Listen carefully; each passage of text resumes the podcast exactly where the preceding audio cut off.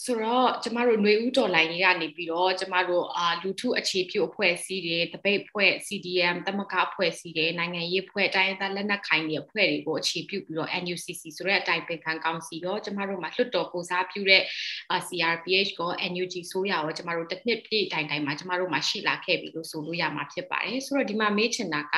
2020ရွေးကောက်ပွဲရလဒ်နဲ့ mandate ပေါ့လူထုကိုစားပြုမှုကအချိန်ကာလတစုံတရာသတ်မှတ်ချက်ရှိပါသလား ဆိုတော့ဒီတော်လိုင်းရေးအင်အားစုတွေကပေါ့ဘလို့စုပေါင်းဥဆောင်မှုနဲ့ဘလို့ချီတက်ကြမလဲရှေ့ဆက်ပြီးတော့ဆိုတာနဲ့ပတ်သက်ပြီးသိချင်ပါတယ်ရှင်ဟုတ်ကဲ့2020နိုဝင်ဘာလမှာကျင်းပတဲ့ရွေးကောက်ပွဲဟာတရားဝင်တဲ့ရွေးကောက်ပွဲဖြစ်ပါတယ်အဲ့ဒီတရားဝင်တဲ့ရွေးကောက်ပွဲကနေပြီးတော့လူထုကတခဲနဲ့ရွေးကောက်တင်မြှုပ်ထားတဲ့ပြည်သူ့လွှတ်တော်ကိုယ်စားလှယ်များဟာတရားဝင်တဲ့ mandate ကိုရရှိထားတဲ့အစုအဖွဲ့ဖြစ်ပါတယ်ဒီလိုတရားဝင်မှုဟာကျွန်တော်တို့ Latin စကားနဲ့ de jure mandate လို့ခေါ်ပါတယ်ဆိုတော့ de jure mandate ဟာခိုင်မာတဲ့လူထုကိုကူစားပြုတ်နိုင်တဲ့လူထုကသူတို့ပိုင်ဆိုင်ထားသောအချုပ်အချာအာဏာကိုကျင့်သုံးဖို့အနှင်ထားတဲ့လူထုကိုယ်စားလှယ်များရဲ့အာ mandate ပဲဖြစ်ပါတယ် ဒီ mandate နဲ့ကျွန်တော်တို့နှစ်ပေါင်းများစွာဒီမိုကရေစီရဲ့အမျိုးသားတန်းတူရေးနဲ့ကိုပိုင်ပြဋ္ဌာန်းခွင့်အခွင့်အရေးမှာရရှိရေးအတွက်လက်နက်ကင်တော်လှန်ရေးကိုရှင်နှွှဲနေတဲ့တိုင်းရင်းသားတော်လှန်ရေးအင်အားစုများပိုင်ဆိုင်ထားတဲ့ defective mandate နဲ့ပေါင်းစပ်ပြီးတော့မှຫນွေဥတော်လှန်ရေးနဲ့အတူကျွန်တော်တို့ဒီအရေးတော်ပုံကြီးကိုရှင်နှွှဲနေတာဖြစ်ပါတယ်ဒီအရေးတော်ပုံကြီးကိုရှင်နှွှဲတဲ့အခါမှာကျွန်တော်တို့အခုနပြောသလို defective mandate နဲ့ de jure mandate ကိုပေါင်းစပ်ပြီးတော့မှဒီစစ်အာဏာရှင်စနစ်ကိုတော်လှန်နေတာဖြစ်ပါတယ်ထို့အတွက်ကြောင့်ဒီတော်လှန်ရေးမုတ်ချက်အောင်ရမယ်ဆိုပြီးတော့ကျွန်တော်ပထမအနေနဲ့ပြောချင်တယ်ဆိုတော့ mandate ကဘလောက်ကြာတယ်လဲတက်တမ်းဘလောက်ရှိတယ်လဲတာမန်ချင်းမှာတာမန်အချီနီမှာရွေးကောက်ပွဲကအဲလေးနှစ်တက်တမ်းရှိပါတယ်တုတ်တော့စစ်ကောင်စီကလူထုကပေးအပ်ထားသောလူထုရဲ့ရွေး mandate ကို ကျင့်သုံးခွင့်မပေးတဲ့အတွက်ဒီကျင့်သုံးခွင့်မရမချင်းကျွန်တော်တို့တော်လှန်ရေးကိုရှင်းသွင်းမှာဖြစ်ပါတယ်ဒီကျင့်သွင်းခွင့်ရတဲ့အခါမှာစီအာနာစင်စနစ်ကိုဖြိုချပြီးတော့ကျွန်တော်တို့ဒီ mandate အတိုင်းဆက်လက်ပြီးတော့ပြည်သူအကျိုးပြုတ်ပြည်ထောင်စုကြီးကိုအကျိုးပြုတ်တဲ့လုပ်ငန်းတွေဆက်လက်ပြီးတော့ဆောင်ရွက်သွားမှာဖြစ်ပါတယ်ထို့အတွက်ကြောင့်ဒီ mandate ရဲ့တက်တန်းကစစ်ကောင်စီကနေဖြစ်စီဖို့ကြိုးစားနေတဲ့အတွက်ကြောင့် ကျွန်တော်တို့ကလည်းဒါကိုပြန်လေတီဆုပ်ပြီးကြိုးစားရမှာဖြစ်တဲ့အတွက်တက်တန်းအနေနဲ့ကျွန်တော်တို့တတ်မှတ်လို့မရဘူးကျွန်တော်တို့အရေးတော်ပုံအောင်မြင်တဲ့အထိဟာကျွန်တော်တို့တက်တန်းဖြစ်ပါတယ်လို့ပြောချင်ပါတယ် ကဲရှင်ဝင်ကြီးကျေးဇူးတင်ပါတယ်အာနံပါတ်1အနေနဲ့မေးချင်တာကတော့ NUCC ရဲ့ပထမအဆုံးသတင်းစာရှင်းလင်းပွဲမှာဂျာကာလာကနေပြီးတော့အသွင်ကူးပြောင်းရေးကာလအဆင့်ကိုသွားမယ်လို့ဆိုထားပါတယ်ဆိုတော့အသွင်ကူးပြောင်းရေးကာလအဆင့်ကိုကျမတို့ရောက်နေပြီလားဒါမှမဟုတ်ရောက်ဖို့နီးပြီလားအကယ်လို့များအသွင်ကူးပြောင်းရေးကာလလို့ကျမတို့ဆိုတဲ့အချိန်မှာဘယ်လက္ခဏာတွေဘယ်လိုတွေရှိတယ်လဲဆိုတာလေးကိုကျမတို့တစ်ချက်လောက်ရှင်းပြပေးလို့ရမလားရှင်ဟုတ်ကဲ့ကျွန်တော်တို့ NUCC မှာကြီးဆွေးပြဋ္ဌာန်းထားတဲ့ Federal ပဋိငိမ် အရာကျွန်တော်တို့လမ်းပြမေပုံအရှင်းဆင့်ဆင့်ကိုကျွန်တော်တို့သတ်မှတ်ထားပါတယ်အဲ့လိုသတ်မှတ်တဲ့နေရာမှာအခုကာလကိုကျွန်တော်တို့ကြာကာလလို့သတ်မှတ်ပါတယ်ကြာကာလဆိုတာတော်လှန်ရေးကာလဖြစ်ပါတယ်ဒီတော်လှန်ရေးကာလမှာမင်းအွန်လိုင်းနဲ့စစ်ကောင်စီကိုကျွန်တော်တို့ဖြုတ်ချဖို့ကျွန်တော်တို့တိုက်ထုတ်ဖို့လိုပါတယ်ဒီလိုတိုက်ထုတ်ပြလိုက်တာနဲ့တပြိုင်နက်ကျွန်တော်တို့အသွင်ကူးပြောင်းရေးကာလကစတင်မှာဖြစ်ပါတယ်ဆိုတော့ကြာကာလကတော့ကျွန်တော်တို့ စစ်ကောင်စီကို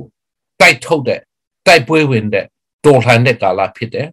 အသွင်ကူးပြောင်းရေးကာလကတော့စစ်ကောင်စီကိုဖြုတ်ချပြီးတဲ့နောက်ကျွန်တော်တို့ပြည်ထောင်စုကြီးကိုအနာဂတ်မှာဘလို့ပြန်လေထူထောင်ရမလဲဆိုပြီးတော့ကျွန်တော်တို့ထူထောင်ရေးကိုလုပ်ရမယ်ကာလဖြစ်ပါတယ်တနည်းအားဖြင့်ပြောလိုက်လို့ရှိရင်အသွင်ကူးပြောင်းရေးကာလအတွင်းမှာကျွန်တော်တို့လုပ်ငန်းတစ်ခုကိုဆောင်ရွက်ရမှာဖြစ်ပါတယ်အဲ့ဒီလုပ်ငန်းတစ်ခုကတော့နံပါတ်1ကတော့ တိုင်းပြုတ်ပြီးပြုတ်ငေလာခံကြီးကိုခေါ်ယူပြီးတော့ကျွန်တော်တို့အမေတန်းကျင့်သုံးမဲ့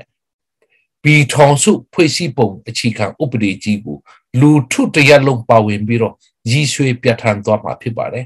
ဒီလိုလူထုတရက်လုံးပါဝင်ပြီးတော့ရည်ရွှေပြဋ္ဌာန်းနိုင်ရဲ့အတွက်ကျွန်တော်တို့အခုအမျိုးသားညီညွတ်ရေးအစိုးရ Federal ပြည်ထောင်စုရေးရဝန်ကြီးဌာနကလည်းတတက်တအားပြင်ဆင်ထားပါတယ်အစင်သင့်ဖြစ်အောင်ကျွန်တော်တို့လှုပ်ထားပါတယ် ဒီလိုလှုပ်ထားတဲ့အတွက်ကြောင့်ကျွန်တော်တို့လူထုအတွက်ကျွန်တော်တို့ပြင်ဆင်ထားသောအာမူကျန်းတွေကိုကျွန်တော်တို့ချပြတ်သွားမှာဖြစ်တယ်အဲလိုချပြတ်ထားတဲ့ဟာတွေကိုကျွန်တော်တို့အနေနဲ့အာအာလူထုကိုချပေးပြီးတော့လူထုနဲ့အတူအတိတ်တဖန်ကြီးရွှေသွားမှာဖြစ်ပါတယ်ကျွန်တော်အနေနဲ့ Federal Democrat Federal ကျွန်တော်အနေနဲ့ Federal ပြည်ထောင်စုဝင်ကြီးရဝင်ကြီးဌာနကနေဆောင်ရွက်တယ်ဆိုတဲ့နေရာမှာကျွန်တော်တို့ NUG ဆိုရတဲ့ Federal ပြည်ထောင်စုကြီးရဝင်ကြီးဌာနတစ်ခုထဲကိုပြောတာမဟုတ်ဘူး NUCC တစ်ခုလုံးကိုကျွန်တော်တို့အနေနဲ့ကျွန်တော်ပြောချင်တာဖြစ်ပါတယ်ဒီအနာဂတ် Federal Democracy ပြည်ထောင်စုဖွဲ့စည်းပုံချီခံဥပဒေရည်ရွယ်ရေးလုပ်ငန်းအားလုံးဟာဆိုလို့ရှိရင်ကျွန်တော်တို့အမျိုးသားညီညွတ်ရေးအတိုင်းပင်ခံကောင်စီအောက်မှာဖွဲ့စည်းထားတဲ့ကျွန်တော်ပေါင်းဆက်ညှိနှိုင်းရေးကော်မတီကနေပြီးတော့ဆောင်ရွက်သွားမှာဖြစ်ပါတယ်အဲ့ဒီအတွက်ကျွန်တော်တို့ဝင်ကြီးဌာနလည်း ပါဝင်ပြီးတော့တတတအားနဲ့ပူပေါင်းဆောင်ရွက်သွားမှာဖြစ်တယ်ဆိုပြီးတော့ကျွန်တော်ပြောကြားချင်ပါတယ်ထုတွေ့ကြောင်းချုပ်ပြီးတော့ပြောမယ်ဆိုရင်ကြားကာလဆိုတာတော်လှန်ရေးကာလဖြစ်တယ်အသွင်ကူးပြောင်းရေးကာလဆိုတာကျွန်တော်တို့ပြည်ထောင်စုကြည်ပြန်နေထူထောင်ဖို့အတွက်တိုင်းပြုတ်ပြီးပြုတ်ငေလာခံခေါ်ယူပြီးတော့အာအနာဂတ်မှာကျွန်တော်တို့ကျင့်သုံးမဲ့ Federal Democracy ဖွဲ့စည်းပုံအခြေခံဥပဒေကိုရည်ရွယ်ပြဋ္ဌာန်းမဲ့ကာလကို ဆိုလိုတာဖြစ်ပါတယ်။အဲ့လို Federal Democracy ဖွဲ့စည်းပုံအခြေခံဥပဒေကိုရည်ရွယ်ပြဋ္ဌာန်းပြလိုက်တာနဲ့တပြိုင်နက်ကျွန်တော်တို့အဲ့ဒီဖွဲ့စည်းပုံကိုကျင့်သုံးတဲ့ကာလဟာပုံမှန်ကာလဖြစ်သွားမှာဖြစ်တယ်။အင်္ဂလိပ်လို constitutionalism လို့ခေါ်ပါတယ်။အဲ့ဒီအဆင့်ကကျွန်တော်တို့ရုပ်ရှိနိုင်ဖို့အတွက်ကြိုးပမ်းသွားရမှာဖြစ်ပါတယ်။ဟုတ်ကဲ့ရှင် နောက်တစ်ခုအနေနဲ့သိချင်တာကတော့ကျမတို့ confederation နဲ့ federation ဆိုပြီးတော့ပြောနေကြတဲ့အမြင်တွေလည်းရှိကြတယ်ပေါ့ဆိုတော့အခုຫນွေဦးတော်လိုင်းကြီးကနေပြီးတော့ကျမတို့ federal ပြည်ထောင်စုကိုတိစောက်တဲ့အခါမှာဟိုအရင်တုန်းကလိုပဲကျမတို့ပြည်နယ်နဲ့တိုင်း14ခုကိုအခြေခံပြီးတော့ပဲလှုပ်ဆောင်မလားဒါမှမဟုတ်မြေပြင်အခြေအနေနဲ့လက်တွေ့မှာကျမတို့လှုပ်ဆောင်ရမယ်ဆိုလို့ရှိရင်ဒီ confederation ကိုပြောဆိုကြတဲ့ပုံမှာရောဝင်ကြီးအနေနဲ့ဗာများပြောချင်ပါတယ်ရှင်ဟုတ်ကဲ့ federation နဲ့ confederation ဆိုတဲ့ဟာအမှန်စင်စစ်ကအာဘာခေါ်မလဲအာကွာချက်ချက်တွေရှိတယ်လို့အာတူညီမှုတွေလည်းအများကြီးရှိပါတယ်အာကျွန်တော်တို့အခုຫນွေဥတော်လှန်ရေးကနေတာမကကျွန်တော်တို့တိုင်းရင်းသားလူမျိုးများနှစ်ပေါင်း90တောင်းဆိုတဲ့တောင်းဆိုချက်ကတော့အာ Federal ပြည်ထောင်စုစနစ်ဖြစ်ပါတယ်အဲ့ဒီ Federal ပြည်ထောင်စုစနစ်မှာကျွန်တော်တို့ပြည်ထောင်စုအဖွဲ့ဝင်ပြည်နယ်များ ကိုပိုင်ပြဋ္ဌာန်းခွင့်ကိုအပြည့်အဝကျင့်သုံးပိုင်ခွင့်ရှိရမှာဖြစ်ပါတယ်အဲ့ဒီပြည်နယ်များကိုပိုင်ပြဋ္ဌာန်းခွင့်အပြည့်အဝကျင့်သုံးနိုင်ရေးအတွက်အဲ့ဒီပြည်နယ်တီးတီးမှာပြည်နယ်ဖွဲ့စည်းပုံချီခံဥပဒေကိုရည်ရွယ်ပြဋ္ဌာန်းခွင့်ရှိရမှာဖြစ်ပါတယ်ဆိုတော့ပြည်နယ်အတီးတီးကမိမိတို့ပြည်နယ်အတွင်းမှာကျင့်သုံးမဲ့ပြည်နယ်ဖွဲ့စည်းပုံချီခံဥပဒေရည်ရွယ်ပြဋ္ဌာန်းခွင့်ဟာကိုပိုင်ပြဋ္ဌာန်းခွင့်ရှိတယ်လို့ကျွန်တော်တို့ပြောဆိုနေခြင်းပဲဖြစ်ပါတယ်ဆိုတော့ကျွန်တော်တို့အနာဂတ်မှာ အရေးကြီးတဲ့ဆုံးဖြတ်ချက်ကိုကျွန်တော်တို့ခုနပြောတဲ့အသွင်ကူးပြောင်းရေးကာလမှာတိုင်းပြုတ်ပြီးပြုတ်ငေလာခံကျင့်ပတဲ့ခါမှာကျွန်တော်တို့ရွေးချယ်ဆုံးဖြတ်ဖို့ရှိပါတယ်အဲ့ဒါကတော့ကျွန်တော်တို့ပြည်ထောင်စုအဖွဲ့ဝင်ပြည်နယ်မြောက်ကိုပြည်နယ်ခေါ်မလားပြည်ထောင်ခေါ်မလားဒါမှမဟုတ်ပြည်ခေါ်မလားအဲ့ဒါဆုံးဖြတ်ဖို့ဖြစ်ပါတယ်ကျွန်တော်တို့ကပြည်ထောင်စုအဖွဲ့ဝင်အားလုံးကိုနာမည်တစ်ခုတည်းပဲပေးချင်ပါတယ်အခုလိုပြည်နယ်နဲ့တိုင်းဒေသကြီးစုပြီးတော့ ခွဲခြားဆက်ဆံတာမျိုးကျွန်တော်တို့လုံးဝလက်ခံတော့မှာမဟုတ်ပါဘူးဗမာတွေနေတဲ့ဒေသကိုတိုင်းခေါ်တယ်တိုင်းဒေသကြီးခေါ်တယ်ကျွန်တော်တို့တိုင်းရင်းသားဒေသကိုပြည်နေခေါ်တယ်ဆိုပြီးတော့ဗမာနဲ့တိုင်းရင်းသားတွေကိုခွဲခြားဆက်ဆံတဲ့စနစ်ကိုကျွန်တော်တို့လုံးဝကျင့်သုံးတော့မှာမဟုတ်ဘူးထို့အတွက်ကြောင့်ပြည်ထောင်စုအဖွဲ့ဝင်တွေရဲ့နာမည်အားလုံးတူညီရမှာဖြစ်ပါတယ်ဒါပေမဲ့ပြည်ထောင်စုဖွဲ့ဝင်ပြည်နေအားလုံးကိုကျွန်တော်တို့ဘယ်နှစ်ခုနဲ့ဖွဲ့စည်းရမလဲဆိုတဲ့ကိစ္စကလည်းပဲ ယနေ့ကျွန်တော်တို့ဆုံးဖြတ်လို့ရတဲ့ကိစ္စမဟုတ်ပါဘူးဒါဟာပြည်သူလူထုတွေကိုယ်တိုင်ကဆုံးဖြတ်ရမယ့်ကိစ္စဖြစ်ပါတယ်ဒီပြည်ထောင်စုကြီးကိုပြည်နေဘယ်နှစ်ခုနဲ့ဖွဲ့စည်းခြင်းတည်းလဲဆက်လေးခုနဲ့ဆက်ပြီးတော့ဖွဲ့စည်းခြင်းတလားဒီထက်မကပူများများဖွဲ့စည်းခြင်းတလားတိုင်းပြုတ်ပြီးပြုတ်ညီလာခံကျင်းပတဲ့အခါမှာပြည်သူလူထုရဲ့ဆန္ဒအတိုင်းကျွန်တော်တို့ဆောင်ရွက်တော့ရမယ့်ကိစ္စဖြစ်တယ်ဆိုပြီးတော့တင်ပြရှင်ပါတယ် ဟုတ်ကဲ့ရှင်ဝင်ကြီးဒါကတော့နောက်ဆုံးမေးခွန်းဖြစ်ပါတယ်ဆိုတော့လက်ရှိမှာတော့တော်လိုင်းရေးတက်ဦးက NUG လို့ပြောကြတယ်ပေါ့ဒါပေမဲ့ဒီမှာကျမတို့ကြည့်မယ်ဆို NUCC ကနေပြီးတော့လမ်းပြမြေပုံတွေကိုလည်းကျမတို့ချမှတ်ပေးထားတယ်အဲ့ဒီမှာဆိုလို့ရှင်တော့ဂျာကာလာအသွင်ကူးပြောင်းရေးကာလနောက်ပြီးတော့ဖွဲ့စည်းပုံတည်ရေးဆွဲရေးပြည်သူခံစန္ဒခံယူပွဲနောက်နောက်ရွေးကောက်ပွဲအသစ်ဆိုတဲ့ဟာတွေကိုလှုပ်ဆောင်ဖို့ဆိုပြီးတော့ road map ထဲမှာရေးထားတာတွေ့ရပါပေါ့ဆိုတော့အဲ့ဒါဆိုလို့ရှင်အဲ့ဒီအတွက်ကိုကျမတို့တိဆောက်ရမယ့်အဆင့်တိုင်းမှာကျမတို့စံချိန်စံညွှန်းတွေလိုအပ်ချက်တွေကိုအခုကတည်းကနေစပြီးတော့ကျမတို့ပြည်သူတွေနဲ့ဒီအဖွဲ့အစည်းတီးတီးတွေနဲ့ဆွေးနွေးတာသဘောထားခံယူတာအချက်လက်စုဆောင်းတာတွေပေါ့လုပ်နေပါပြီလားအခြေအနေတွေကဘယ်လိုရှိလဲဆိုတာဒီနဲ့ပတ်သက်ပြီးသိချင်ပါတယ်ရှင်ဒီလိုကျွန်တော်တို့တော်လှန်ရေးကိုနေဦးတော်လှန်ရေးကိုရှင်နှွှဲနေတဲ့အခါမှာတဆင့်ပြီးတဆင့်ကျွန်တော်တို့ဆောင်ရွက်ရမှာဖြစ်ပါတယ်အာအကြီးတော်ပုံကြီးကိုရှင်နှွှဲရမယ်စောစောကပြောသလိုကြာကာလဆိုတာတော်လှန်ရေးကာလဖြစ်တယ် အသွင်ကူးပြောင်းရေးကာလဆိုတာကျွန်တော်တို့အာဘာခေါ်မလဲအနာဂတ်ပြည်ထောင်စုကြီးကိုဘယ်လိုထူထောင်ရမလဲဆိုတာအားလုံးပြည်သူလူထုတရားလုံးတိုင်းရင်းသားလူမျိုးပေါင်းစုံပါဝင်ပြီးတော့မှဆွေးနွေးတိုင်ပင်ရမယ်ကာလဖြစ်ပါတယ်။ဒီလိုဆွေးနွေးတိုင်ပင်ပြီးတော့ကျွန်တော်တို့အနာဂတ်မှာကျင့်သုံးမဲ့ဖွဲ့စည်းပုံချီခံဥပဒေကိုလူထုကိုယ်တိုင်ပါဝင်ရည်ရွှေခြင်းမရှိပဲ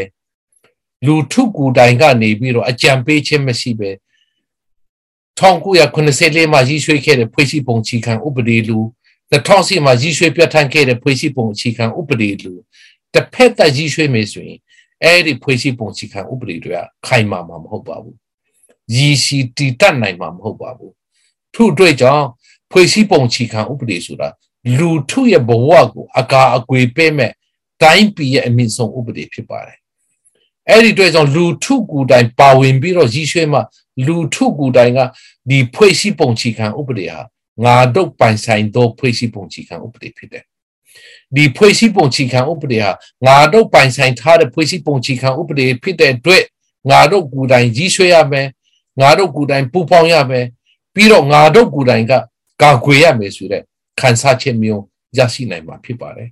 ထို့အတွက်ကြောင့် လူထုပါဝင်နေသောကာလကိုကျွန်တော်တို့အသွင်ကူးပြောင်းရေးကာလလို့ခေါ်တာဖြစ်ပါတယ်ဆိုတော့အဲ့လိုဖွဲ့စည်းပုံချီခံဥပဒေတိပုံပုတ်လာပြီဆိုလို့ရှိရင်ကျွန်တော်တို့အဲ့ဒီဖွဲ့စည်းပုံချီခံဥပဒေတိအတိုင်းရွေးကောက်ပွဲတွေကျင်းပရမှာဖြစ်တယ်အဲ့ဒီရွေးကောက်ပွဲကနေတက်လာတဲ့အစိုးရကိုအာဏာလွှဲပြောင်းပြီးတော့ပုံမှန်အစိုးရဖြစ်နေကျွန်တော်တို့ဆက်လက်ဆောင်ရွက်သွားမှာဖြစ်ပါတယ်ဆိုတော့ဒီလုပ်ငန်းတွေကိုဆောင်ရွက်ဖို့တဲ့ပင်စင်မှုတွေရှိပလားဆိုတဲ့မိခွန်းကအရေးကြီးပါတယ်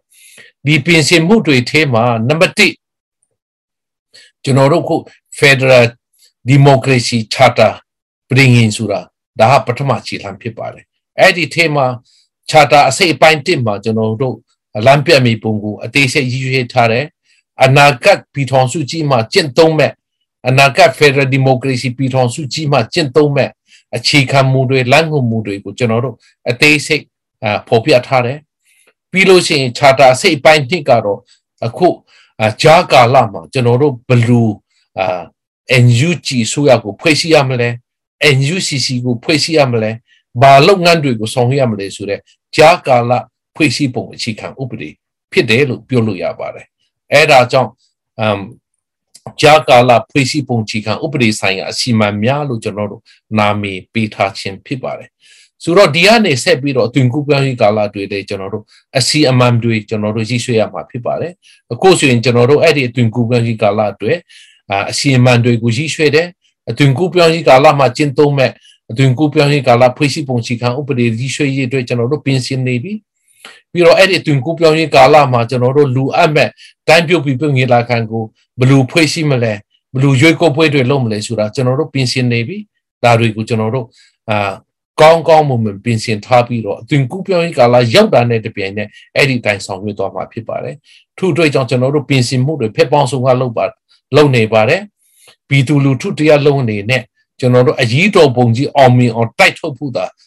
တိုက်ပွဲဝင်ဖို့တာအရေးကြီးတယ်ဒီတိုက်ပွဲတာအောင်မြင်မယ်ဆိုရင်အနာဂတ်ပြည်ထောင်စုကြီးကိုပြန်လေထူထောင်တဲ့အခါမှာပင်လုံစာချုပ်မှာ ဘူချောအောင်စားနဲ့တိုင်းရင်းသားခေါင်းဆောင်ကြီးများမြုံမှန်းထားတဲ့အတိုင်းကျွန်တော်တို့ဆောင်ရွက်နိုင်များဖြစ်တယ်ဆိုတာကျွန်တော်အာပြောကြားချင်ပါတယ်ကျွန်တော်တို့တိုင်းရင်းသားလက်နက်ကိုင်ဒေါ်လာရင်းအင်အားစုများနှစ်ပေါင်း90တောင်းဆိုထားတဲ့ဒီမိုကရေစီရဲ့အမျိုးသားတန်းတူရေးနဲ့ကိုပိုင်ပြဋ္ဌာန်းခွင့်ခွင့်ရည်တွေအပြည့်အဝရှိတဲ့